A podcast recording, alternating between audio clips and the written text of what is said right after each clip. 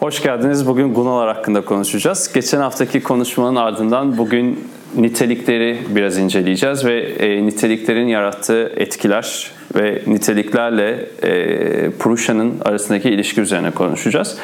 Öncelikle Purusha neydi? Purusha dediğimiz şey saf bilinç, e, zihnin üzerinde olan evrensel bilinç hali Purusha. Guna dediğimiz şey de kelime karşılığı olarak nitelik anlamına geliyor e, yeterlilik anlamına geliyor. Birçok anlamı var ama bugün kullanacağımız asıl anlam nitelik anlamı. E, diğer anlamları da bilmek niteliğin aslında ne anlama geldiğini anlamak için önemli. Tüm kelimelerin anlamlarının toplamı gerçekten o kelimenin ne demek olduğunu anlatıyor. Şey gibi düşünün e, işte Carolin'in adı Karolin ama Karolin'in kim olduğunu belirten bir sürü tasvir var. Yani birisine Carolin'i anlatmaya kalkarsanız sadece Karolin demezsiniz. Bir sürü şey söylersiniz değil mi? Ee, Sanskrit'te de her kelime böyle anlatılıyor. Guna kelimesi de bundan bir tanesi. Sadece nitelik demek Guna için çok yeterli bir tasvir değil.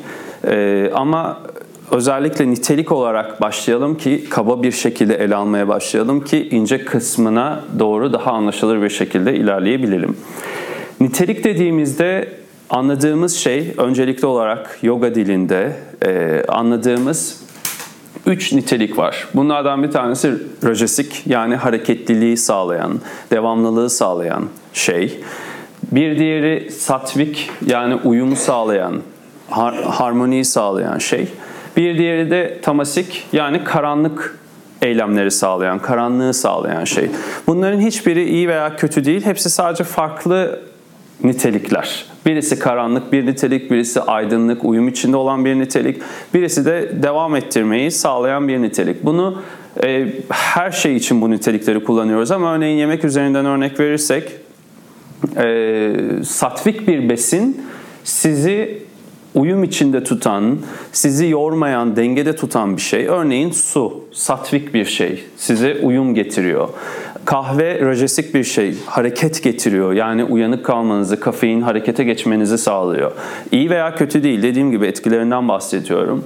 Et tamasik bir şey yediğiniz zaman sindirmek için enerjinizi emmeye başlıyor ve durduruyor sizi ee, gibi ya da daha e, böyle bol yağlı, bol baharatlı ağır yiyecekler sizi durduruyor, hareketinizi kısıtlıyor. Örneğin şeyi düşünün, e, bütün gün yemek yemeyip akşam çok yoğun yemek yediğinizi düşünün. Eylemin kendisi tamasik. Ne kadar satvik besinler de yeseniz çok fazla şey yediğinizde böyle bir çöküyorsunuz. Hareket etmek istemiyorsunuz. Hatta bazen boğa yılanı gibi o yediğinizde uyumak istiyorsunuz.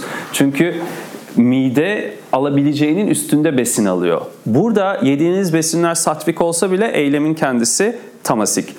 Ee, yani her şey için bu nitelikleri kullan, kullanıyoruz.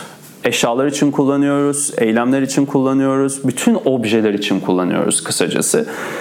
Ve e, her şeyin başı sonunu sonu başını anlattığı gibi Yoga sutralarında en sonuncu kısmı yani 4. bölümün 34. sutrası diyor ki şunu anlatıyor. Başı anlatıyor. Bütün gunaların varoluşu Purusha'nın hareketine sebep veren şeydir. Yani niteliklerin ortada oluşu, bir şeyin karanlık, bir şeyin aydınlık, e, bir şeyin devam ettirici gibi özellikleri oluşu Purusha'nın yani bilincin hareket etmesine sebep veren şeydir. Ne zaman ki bunlar ortadan kalkar, hiçbir ayrım kalmaz, hiçbir nitelik tezahür etmez. O zaman Purusha'nın da harekete ihtiyacı yoktur.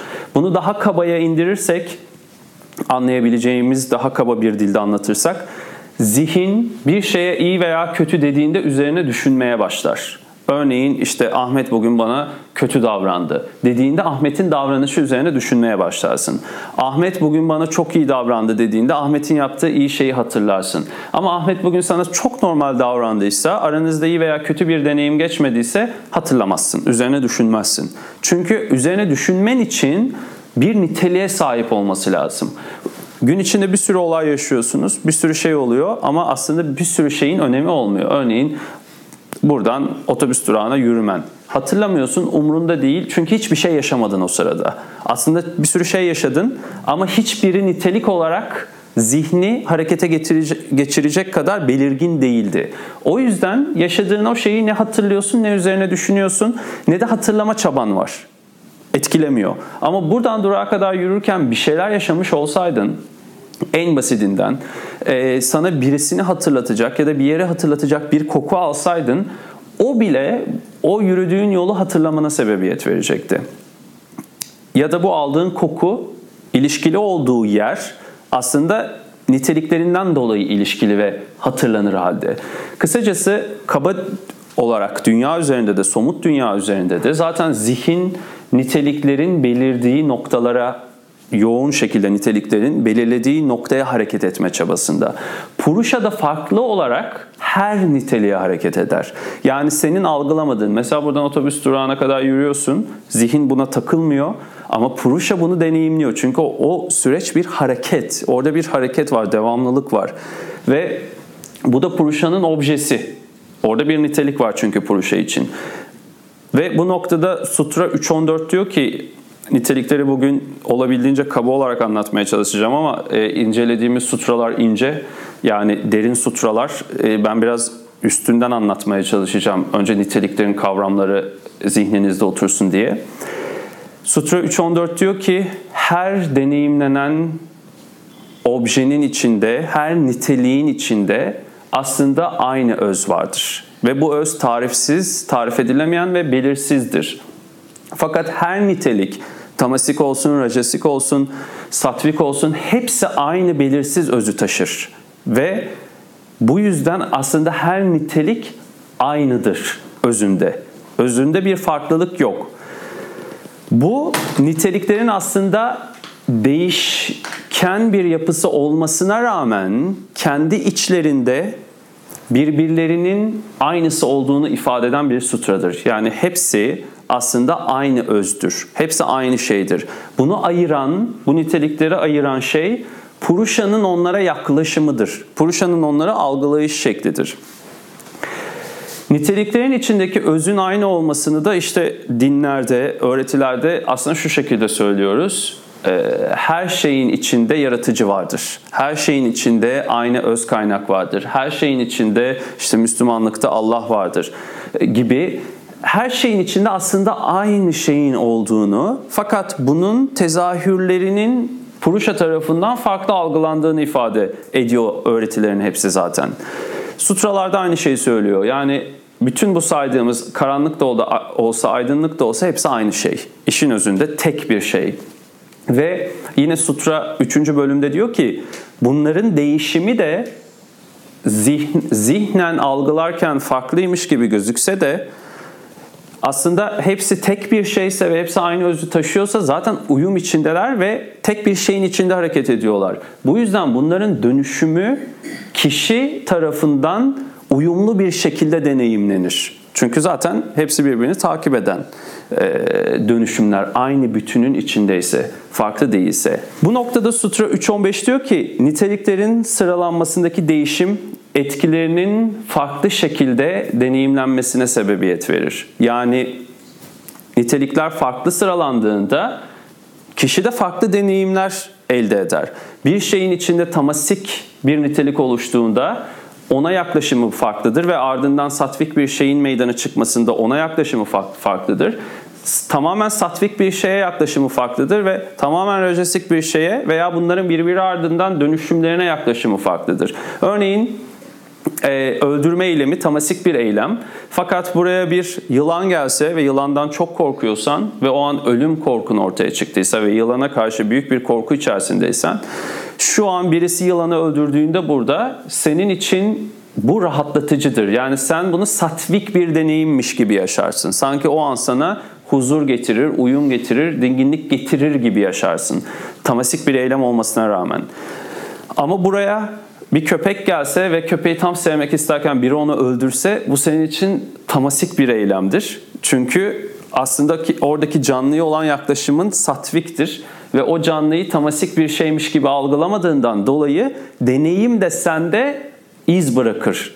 O deneyim sende belki travma yaratır, ee, belki büyük bir o an depresyon yaratır. Herhangi bir şekilde sende bir etki bırakır. Çünkü niteliği tam olarak zihnen nasıl algıladığınla alakalı olarak senin verdiğin tepkiler ve deneyimlerin sonucu değişmekte. Yoksa işin özünde bütün bu 3.14'te söylediğimiz gibi bütün bunların hepsi aynı özü taşıyorsa ve hiçbirinin birbirinden farkı yoksa, hepsi aynı tarifsiz kaynaksa o zaman bunların hepsi zihin tarafından aynı şekilde deneyimlenmesi gerekmekte değil mi? O zaman bunu iki deneyime de iyi veya kötü dememek veya üzerinde iz bırakmamak veya farklı yaklaşmıyor olmak lazım. Ama bunu yapabiliyor olmak zaten başlı başına bütün bu nitelikleri bu şekilde aynı özden geldiğini algılayabiliyor olmak zaten bu niteliklerin çekilmesine sebebiyet veriyor. Ve işte bu da kayvalya dediğimiz şey aslında Purusha'nın nitelikleri ayırt etmemesine sebebiyet veriyor. Kısacası nitelikleri ayırt ettiğin sürece bilinç zihni devreye sokuyor. Çünkü bilincin kendisi çalışıyor. Bilincin kendisi çalıştığı için de otomatik olarak zihin sürekli olarak analiz halinde. Bir diğer sutra 4.12 bu bayağı enteresan bir sutra. Ee, üzerine çok konuşulabilecek bir sutra ama ben şu an sadece nitelik boyutunda işleyeceğim e, bu sutrayı. Bu arada e, yazdığım kitapta bunları burada anlattığım kadar açık anlatmıyorum. Bu kadar e, detaylı anlatmıyorum. Çünkü e, Sutralar kitabında doğal olarak yazıtın getirdiği bir ruh ve bir e, ifade var ve bazı şeyler e, yazı dilini kaybetmemesi gerekiyor ki anlatılırken kendi içindeki sürükleyiciliği yitirmesin diye. Şu an burada duyduğunuz şey böyle çok e, olabildiğince açık anlatıyorum. Ama kitapta belki okuduğunuzda bunu 20 cümle olarak ya da 10 cümle olarak göreceksiniz. Bunun sebebi de aslında biraz kişinin onları kendi kendine düşünerek açığa çıkartması. Kendi kendine düşünerek yani e, size düşünceyi ve kapıyı açacak cümleler var. Fakat burada konuşurken ve bir arada otururken insanın zihni zaten doğal olarak konuşana teslim olduğu için kapı otomatik olarak açılıyor ve görebilme gücünüz artıyor ve doğal olarak alabilme ve onu içinizde e, transform edebilme, dönüştürebilme gücünüz artıyor. Bu yüzden bu satsanglarda işte bu konulara daha derinlemesine giriyorum ki içeriye aldığınız şey içeride dönüşebilsin ve içeriden tekrar dışarıya doğru uygulamaya çıkabilsin diye. Sutra 4.12 diyor ki geçmiş ve gelecek mevcut gerçeklikte kendi doğasıyla var olur. Yani geçmiş ve gelecek dediğimiz şey şu an burada mevcut gerçeklik içinde zaten vardır. Fakat farklı özelliklerinden ve bu özelliklerinin farklı koşullara ihtiyaç duymalarından dolayı şu an geçmiş ve gelecek doğrudan algılanmaz. Bu ne demek? Sen aslında geçmiş ve gelecek burada. Bir şey başladığında bitişi de orada ve bitişine kadar geçen süre de orada. Her şey orada. Fakat e, doğru kodlar oluşmadığı sürece, doğru dizilimler oluşmadığı sürece, doğru gunalar açığa çıkmadığı sürece, yani gunaların dizilimi doğru şekilde meydana gelmediği sürece algılanamaz. Algılanamamasının sebebi çünkü o nitelikler henüz kişinin bilincinde görülmemiştir, birleştirilmemiştir. Puzzle'ın parçaları birleştirilmemiştir. Yani şu an kendi geçmişin de geleceğin de burada. Bütün geçmiş ve gelecek de burada. Fakat o nitelikler ne zaman ki ardı ardına senin anlayacağın şekilde dizilir o zaman görülebilir hale gelir. Bu tıpkı şunun gibi havada bir sürü kelime var. Binlerce kelime var ama ne cümle yazdığına dair bir fikrin yok. Bir sürü cümle olabilir. Bir sürü şey yazılı olabilir o kelimelerin toplamıyla. Bir sürü şey yazabilirsin. Gerçekten ne yazıyor bunu anlayabilmen için niteliklerin doğru şekilde sıralanması lazım. Ve Sutra 4.13'te bunun üzerine diyor ki gunaların ince doğasıyla ancak tezahür eder. Yani gunaların doğru şekilde dizilimleriyle doğru şekilden kastım o geleceği anlatan dizilimleriyle veya geçmişi anlatan dizilimleriyle ifade edilebilir. Bu noktada aslında gunaların şu ana kadar dönüşümü ve şu ortamı oluşturana kadar bu odanın içinde yaşanmış olan her şey görülebilir. Nasıl görülebilir? Çünkü gunaların bu noktaya kadar gelme halinin izi vardır. Ama bu noktadan sonra nereye gidecek olduğu da görülebilir. Ama gelişine göre gidişini görmek daha zordur. Neden? Çünkü gelişinin izi ortadadır ama gidişinin henüz izi yok, yansıması vardır. Yansımayı görmek kalan izi görmekten daha zordur. Çünkü akış haline bakmak hali hazırda akmışı görmekten daha zor. Bunu şöyle düşünün. Bir nehir akmış gitmiş e, sonra başka yere doğru yönü değiştirmiş fakat nehrin izi duruyor. ve görmek daha kolay. Şimdi o nehir tekrar yön değiştirecek ama nereye yön değiştireceğini tahmin etmek daha zor. Çünkü toprağın hareketi ne şekilde olacak, rüzgarın hareketi ne şekilde olacak, ne kadar daha üzerine su eklenecek ee, ve suyun akış izi nasıl değişecek buna dair bütün bilgileri görmek daha zor. Ama kalan izi görüp kaba taslak geçmişi fark edebilmek, görebilmek, geçmişi e, belki bütün detaylarıyla göremesen bile olabildiğince e, net bir şekilde kaba halini görmek en azından mümkün. Ve e, Gunaların bu ince doğasında tezahür eder. Aslında bu sutra kendi içinde başka bir şey daha anlatıyor. Bu sutra kendi içinde daha ince metinlerinde diyor ki aslında her nitelik atmanın içinde tezahür eder. Yani her nitelik senin özünün içinde tezahür eder. Yani senin özünde ne varsa aslında nitelikler de o şekilde açığa çıkar. Senin içinde ne varsa işte bu yüzden şu cümleyi söylüyoruz. Bunu aslında Yoga Sutra da söylüyor. Senin içinde ne varsa onu görürsün. İçinde olmayan bir şeyi dışarıda görmen imkansız. Eğer e, eğer içinde e, tamasik bir eylem varsa örneğin kendin e, hırsızlık yapabilme potansiyeli taşıyorsan ya da hırsızlık yapıyorsan veya e, bu hırsızlığı illa banka soymak gibi düşünmeyin. Daha önce de söylemiştim. E, korsan bir film izlemek, korsan bir kitap almak, korsan bir müzik dinlemek veya işte masada bulduğum bir kalemi alıp gitmek kimin olup olmadığı umrunda olmadan hoşuna gitti diye şeklinde bir sürü küçük örnek olarak düşünebilirsiniz. Veya otobüse binip işte e, parasını ödememek. Herhangi bir şey olabilir. E, bunların hepsi sonuçta hırsızlık. Hepsi hakkını vermemek. E, hangisini yaptığınız önemli değil veya birinin fikrini alıp görüp o fikri sizinmiş gibi geliştirip kullanmak. Bunların hepsi ilham almak başka bir şey, birinin fikrini çalmak başka bir şey. Bunların hepsini hırsızlık olarak sonuç olarak kabul ediyoruz ve öyle çünkü. E, bunların herhangi birisini yapıyorsanız otomatik olarak Birisi buradan bir şey alıp gittiğinde acaba çaldı mı düşüncesi oluşabilir. Veya yolda yürürken birisi seni, senin bir şeyini çalmak için mi yaklaşıyormuş gibi hissedebilirsin. Veya arabanı kitlesen de acaba biri çalacak mı diye tedirgin olabilirsin. Çünkü bunların hepsinin oluşmasının sebebi senin içinde hırsızlık eylemi mevcut. Mevcut olan bir şey doğal olarak e, dışarıda da gözle aranmakta. Acaba olacak mı? Oluyor mu? Çünkü içeride yaşanıyor. Ya da içeride potansiyel halde bekliyor. Ama hayatında hiç hırsızlık yapmadıysan ve hırsızlık nedir hiç bilmiyorsan, hiç hırsızlığa şahit olmadıysan bu noktada biri buradan gelip senin telefonu alıp gitse bile niye alıyor diye merak edersin sadece. Çalıyor telefonumu diye aklına gelmez. E, çünkü hırsızlığın ne olduğunu bilmiyorsun. İçinde yok. Hiç şahit olmamışsın, hiç deneyimlememişsin. Bu noktada hırsızlığın ne olduğunu bilmediğin için birisi senin telefonu alıp gittiğinde neden aldığını merak edebilirsin. Ama aa telefonumu çalıyor demezsin. Ama içinde bu varsa biri telefon alıp giderken telefonunu çaldığını düşünürsün. Veya telefonun kaybolsa bulamasan şu an kim çaldı diye düşünürsün. Biri mi çaldı diye düşünürsün. Ama dediğim gibi içinde bu eylem hiç yoksa, hiç bu eyleme şahit olmadıysan veya deneyimlemediysen o noktada telefonunun sadece kaybolduğunu düşünürsün, çalındığını değil. Tabii bu sadece potansiyel olarak barınması şu demek senin illa bir şey çalmış olmana gerek yok ama ailen örneğin hırsızlık olayı yaşadı veya aile içinde aman evladım dikkat et çalınmasın şeklinde sürekli sana seni kodluyorlar. Bu noktada da içinde potansiyel bir hırsız var aslında. Bu potansiyel hırsızı dışarıda aramaya başlıyorsun çünkü. Dışarıda arayabilmek için içinde de tutuyorsun. İçinde o hırsızı bekletiyorsun ki gördüğünde tanıyabilesin. Aksi takdirde hırsızı nasıl tanıyacaksın bilmezsen? Bilmek için onu burada tutuyorsun sürekli. Yani içimizde tuttuğumuz her şeyi dışarıda görebiliriz ama içimizde tutmadığımız hiçbir şeyi dışarıda göremeyiz. Aldatma olayı. Eğer kişi kendisi aldatma eğilimindeyse tamasik bir eylem. Başka bir şeyi aldatıyorsun. Burada bir yalan var. Eğer kendin bir şeyi aldatma eğilimindeysen aldatılmayı beklersin. Sürekli olarak acaba bana yalan mı söylüyor? Beni kandırıyor mu? Beni aldatıyor mu?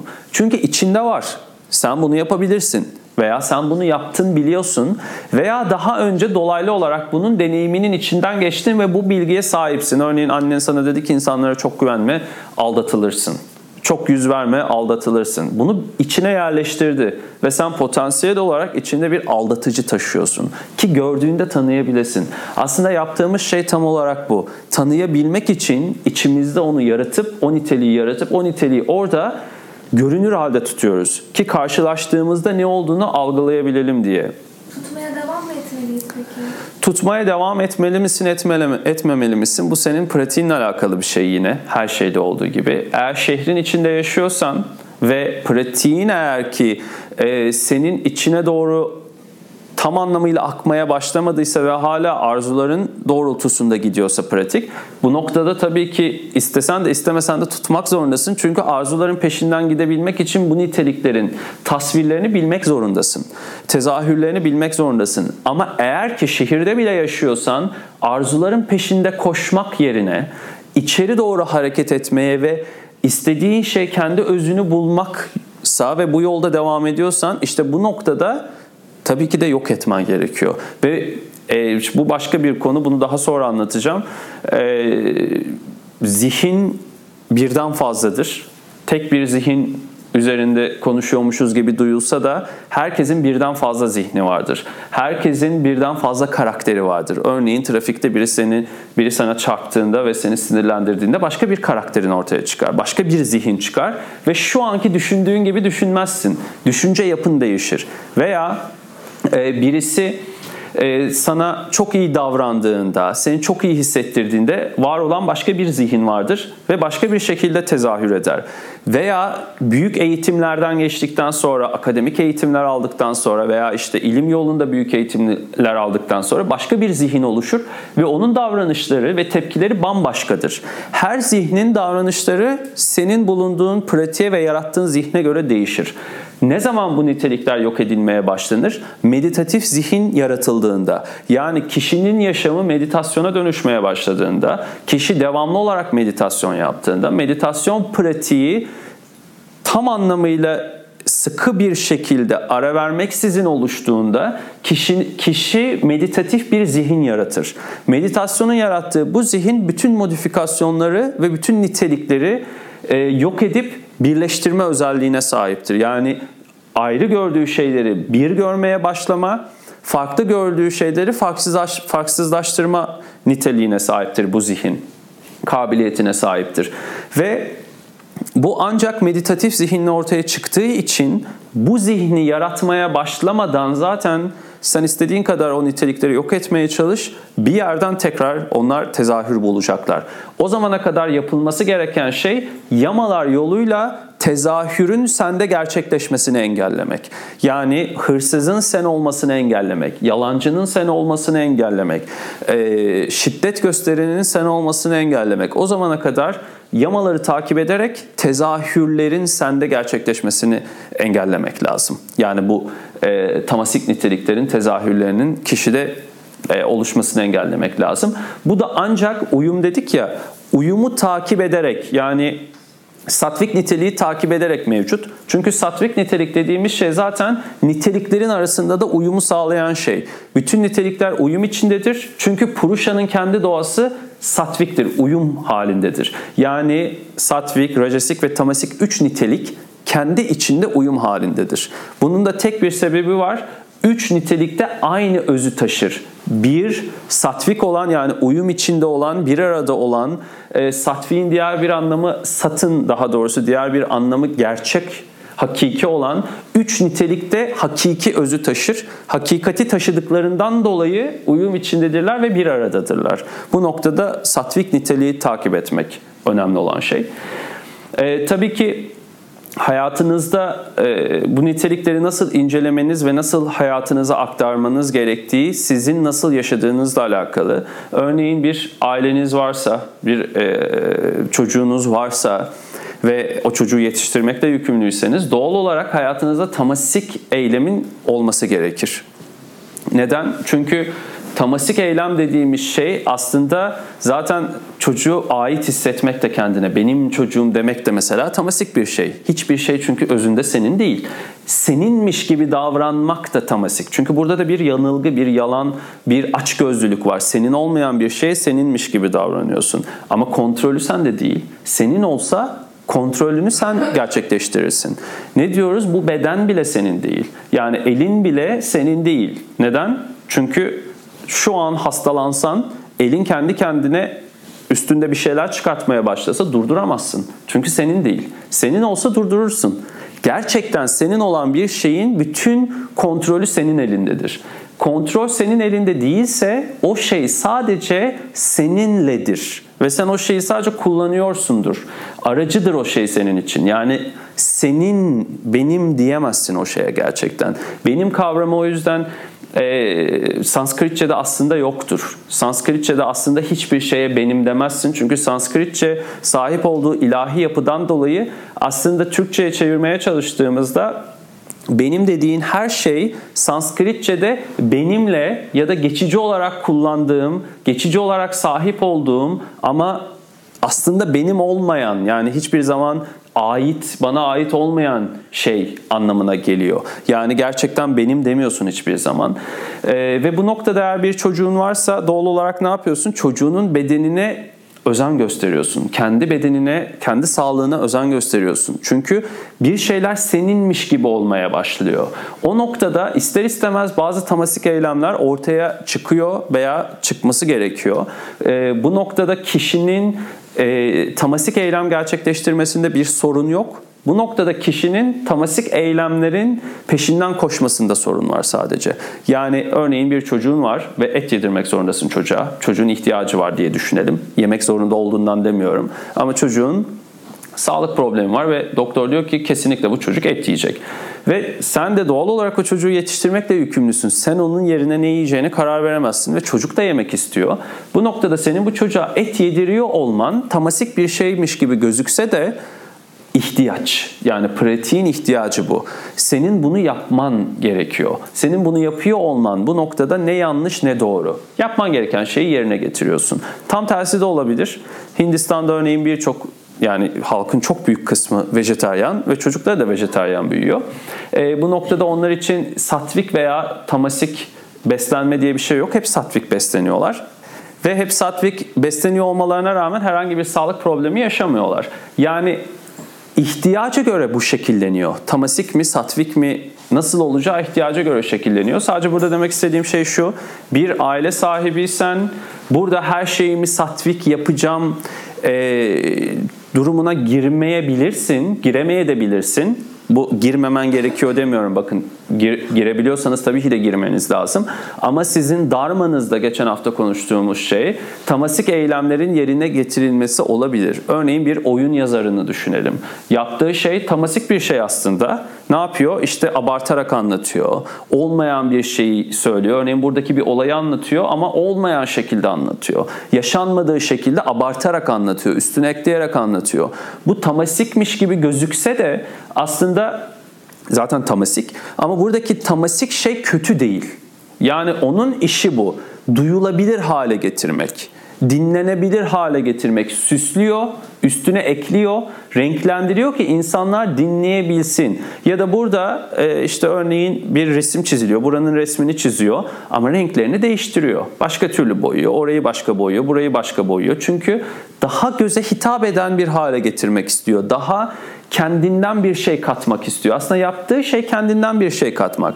Tamasik bir şey yapıp gerçekte burayı olmayan şekilde resmetmiş olsa da bu Buradaki tamasik kötü veya iyi değil. Sadece daha fark edilebilir hale getirmek için tezahür. Eğer zaten tamasik dediğimiz şey kötü olarak nitelendirilseydi e, o zaman bu zaten sonsuzun tezahürü. O zaman sonsuz kendi içinde kötü. Eğer tamasik bir şeyin tezahürüne izin veriyorsa. İşte bu aslında sadece tezahür. Yani sadece tamasik, sadece karanlık bir eylem. İyisine veya kötüsüne takıldığında işte o noktada zihin başka bir tamasik çalışma gerçekleştiriyor. Ve bu tamasik çalışma da işte karanlık görüyor. Yani ne olduğunu göremediği için seçemiyor. Ne olduğunu seçemiyor. Zihnin çalışması burada tamasik. Algılayamıyor. Ne dedik yoga için? Bhagavad Gita'da ne diyordu yoga? Ee, bütün eylemler doğru veya yanlış, iyi veya kötü, başarılı veya başarısız ayrımı kalmadan yapıldığında ve bunların hepsi aynıymış gibi gerçekleştirildiğinde yoga olur. Ve bunu aslında kim söylüyor? Krishna. Krishna ne demek Sanskritçe'de? Eminim ki bilmiyorsunuz. Ee, karanlık, siyah demek aslında. Yani aslında Bhagavad Gita'da bütün bu hikayeyi anlatan şey karanlık, siyah. Yani siyahı, karanlığı ne diye bahsetmiştim daha önce kapalı oturumda? Ne diye bahsetmiştik? Kara delik. Bütün bunlar aslında bir kara delik anlatıyor. Tamasik bir şey anlatıyor. Var olan her şeyi yok eden, yok olan her şeyi var eden bir şey anlatıyor bunu. Yani burada ona gelen kodları yok etmesi de tamasik bir şey. Ama uyum getiriyor sonucunda satvik. Yani kısacası bu niteliklerin ne şekilde ardarda arda dizildiği örneğin gelen kodu yok ediyor ve yok ettiği kodun üzerine uyum doğuruyor. Yani tamasik bir şey yaparak uyum meydana getiriyor veya bütün o Bhagavad Gita savaşı. Savaş tamasik bir şey ama sonucunda ortaya çıkan ve savaşın gerçekleşmesi rajesik bir durum ve sonucunda ortaya çıkan şey satvik, uyum getiriyor, huzur getiriyor veya aydınlanma getiriyor, farkındalık getiriyor. Kısacası bir şeyi eleştirirken de insan kendi hayatında da başka bir şeyde de işte bilmem neyi böyle böyle söylüyorlar ve işte e, bunun yüzünden bilmem nenin e, özü bozuluyor.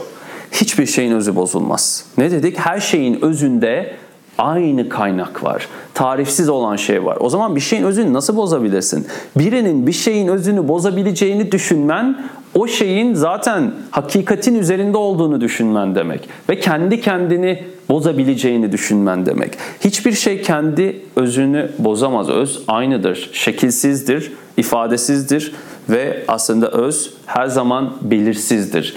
Yani hakikidir. Ve bu noktada aslında bütün o tamasik, rajesik, satvik her şey arda arda dizildiğinde de hiçbir şey bozulamaz veya hiçbir şey yapılamaz. Aslında her şey zaten olması gereken hale hizmet eder. Çünkü niteliklerin o şekilde sıralanmaya ihtiyaç vardır.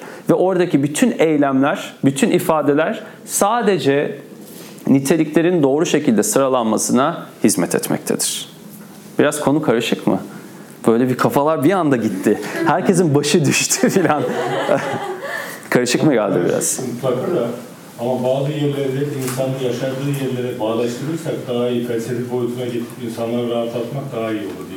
Evet biraz daha indirgeyim. Yani şöyle diyorum ben mesela diyelim ki ne karanlığı anlattınız orada. Evet. İnsan vücudunda şimdi iyi tarafıyla baktığın zaman kötü huylu mikroplar da var. Evet. İnsan Aynen öyle. Aha. Ama kötü huylu mikroplar olmasa insan yaşayamaz. Kesinlikle. Nasıl ki Vücudumuzda var bu bizim kötü huylu mikroplar. Bir huylu mikroplar aşmamak önemli. Yani 50, 51 olmamalı değil. Aynen öyle. Tamam. Aha. Aynen öyle. Tabii ki nasıl e, vücudunuza antibiyotik aldığınızda faydalı şeyleri de öldürüyor antibiyotik. Aynı şey aslında zararlı dediğiniz şey yani antibiyotiğin zararlı görüp öldürdüğü şey sana faydası var. Yani karanlık dediğimiz şeyin faydası var. Örneğin biri şu an sana gelip e, çok kötü şeyler söyleyebilir. E, seninle çok büyük bir tartışmaya girip se, seni çok rencide edecek şeyler söyleyebilir. Ama bu hayatında senin çok büyük bir kapı açabilir. Bir anda yaptığın iş değişir, yaptığın işe yaklaşımın değişir. Sadece o duyduğun şeyleri üzerine verdiğin tepkinin sonucunda yeni bir kapı açılır. Bazen olur ya biri seni böyle çok ağır ve e, hiç istemediğin ve sana çirkin gelen bir şekilde eleştirir ve sen bunun sonucunda yepyeni bir şey yapmaya başlarsın. Ve sonra hatta kendi kendine dersin ki e, ona sanki burada şey gibi düşünür zihin. E, görsün bak ona inat ne yaptım ama aslında onun sayesinde ne yaptım. O benim bunu düşünmemi sağladı. O benim kendimi geliştirmem için ve bu duvarı yıkıp yeni bir yol açmam için bana fırsat verdi. Tabi zihin burada ona inat yapmış gibi algılasa da aslında onun sayesinde oldu. Kapıyı o açtı. Bazen şunu, şunu söylüyorum. Ee, örneğin Satürn kişiye realistik ve şey bir yaklaşım verse de e, katı kurallar içinde bir yaklaşım verse de Satürn aslında kişiyi kullanır. Ne yapar? Satürn burada kodlayan bir gezegen. Gezegen dediğimiz şey gökyüzü insanı devamlı olarak kodlar. Kodların aktarıldığı ana kaynaklar. Tıpkı işte bilgisayarların sürekli olarak güncellendiği gibi, düşün, gibi düşünün. Microsoft ne yapıyor? Bir güncelleme çıkartıyor ve herkesin bilgisayarı güncelleniyor değil mi? Gezegenler de aynı şey yapıyor. Şimdi bu, bu ortamda örneğin sen bir fikre itiraz ettiğinde sen yeni bir bilginin açığa çıkması için Satürn'ün kalıpların gözükebilmesi niteliğini tezahür ettiriyorsun. Yani bu noktada senin bir şeye itiraz etmen, senin farklı bir fikrin olması bütüne hizmet ediyor. Bu çok önemli bir şey aslında. Sen bir şeyin fark edilebilmesi için sınırları gösteriyorsun. Örneğin diyorsun ki sen X, Y ve Z dedin ama X ve Y ve Z böyle bir şekil oluşturur. O zaman senin anlattığın şey bu şeklin içine sığmaz dediğinde sen Satürn'ün şeklin gösterilebilmesi, algılanır halinin fark edilebilmesi, duvarların görülebilmesi kısmını tezahür ettirmiş oluyorsun. Ve bu noktada ne oluyor? Daha büyük bir kod, örneğin işte Plüton diyor ki bütün o duvarların yıkılması lazım ve o yukarı duvarların yıkılabilmesi için önce Satürn duvarları göstermeli. Nerede ne çizgi var bu fark edilmeli. Bunun üzerine Uranüs'ün bu duvarları sarsması lazım ve biri çıkıyor diyor ki bir bilgi veriyor. Ama işte o öyle öyle değil çünkü şu açıdan bakarsan o bu şekilde gerçekleşiyor. Uranüs bunun farklı bir nitelikle yıkılabilmesi, tamasik yıkmak tamasikmiş gibi duyulsa da burada veya rajasikmiş gibi duyulsa da sonuç olarak satvik bir şey gerçekleşiyor. Uyum getiriyor. Yani hayatınızda aslında itiraz ettiğiniz şeyler, kabul ettiğiniz şeyler, e, savunduğunuz şeyler veya e, üzerine bilgi paylaştığınız şeyler bunların hepsi ne yapıyorsan yap, hepsi aynı şeye hizmet ediyor. Hiçbiri özden farklı bir şeye hitap etmiyor. Yani işin sonunda ne yaparsak yapalım, nitelikleri nasıl sıralarsak sıralayalım, nitelikleri nasıl algılarsak algılayalım, yaptığımız her eylemin içinde mutlaka uyum var ve o uyum tezahür edecek. Çünkü hepsinin hareket ettiği tek bir alan var. Tıpkı kendi bedeniniz gibi. Hepsinin, bütün hücrelerin hareket ettiği tek bir alan var. O da bu beden, benim bedenimdeki hücrelerin. Ve hepimizin hareket ettiği, her niteliğin hareket ettiği, her fikrin, her sözün hareket ettiği tek bir alan var. Ve ne olursa olsun o alan dönüp dolaşıp rahat ve uyumlu halini her türlü bulacak. Bunu bir kovanın içine su koymak gibi düşünün. İstediğin kadar karıştır. En sonunda o sular onun içinde rahat bir şekilde duracaklar. Çünkü doğaları bu.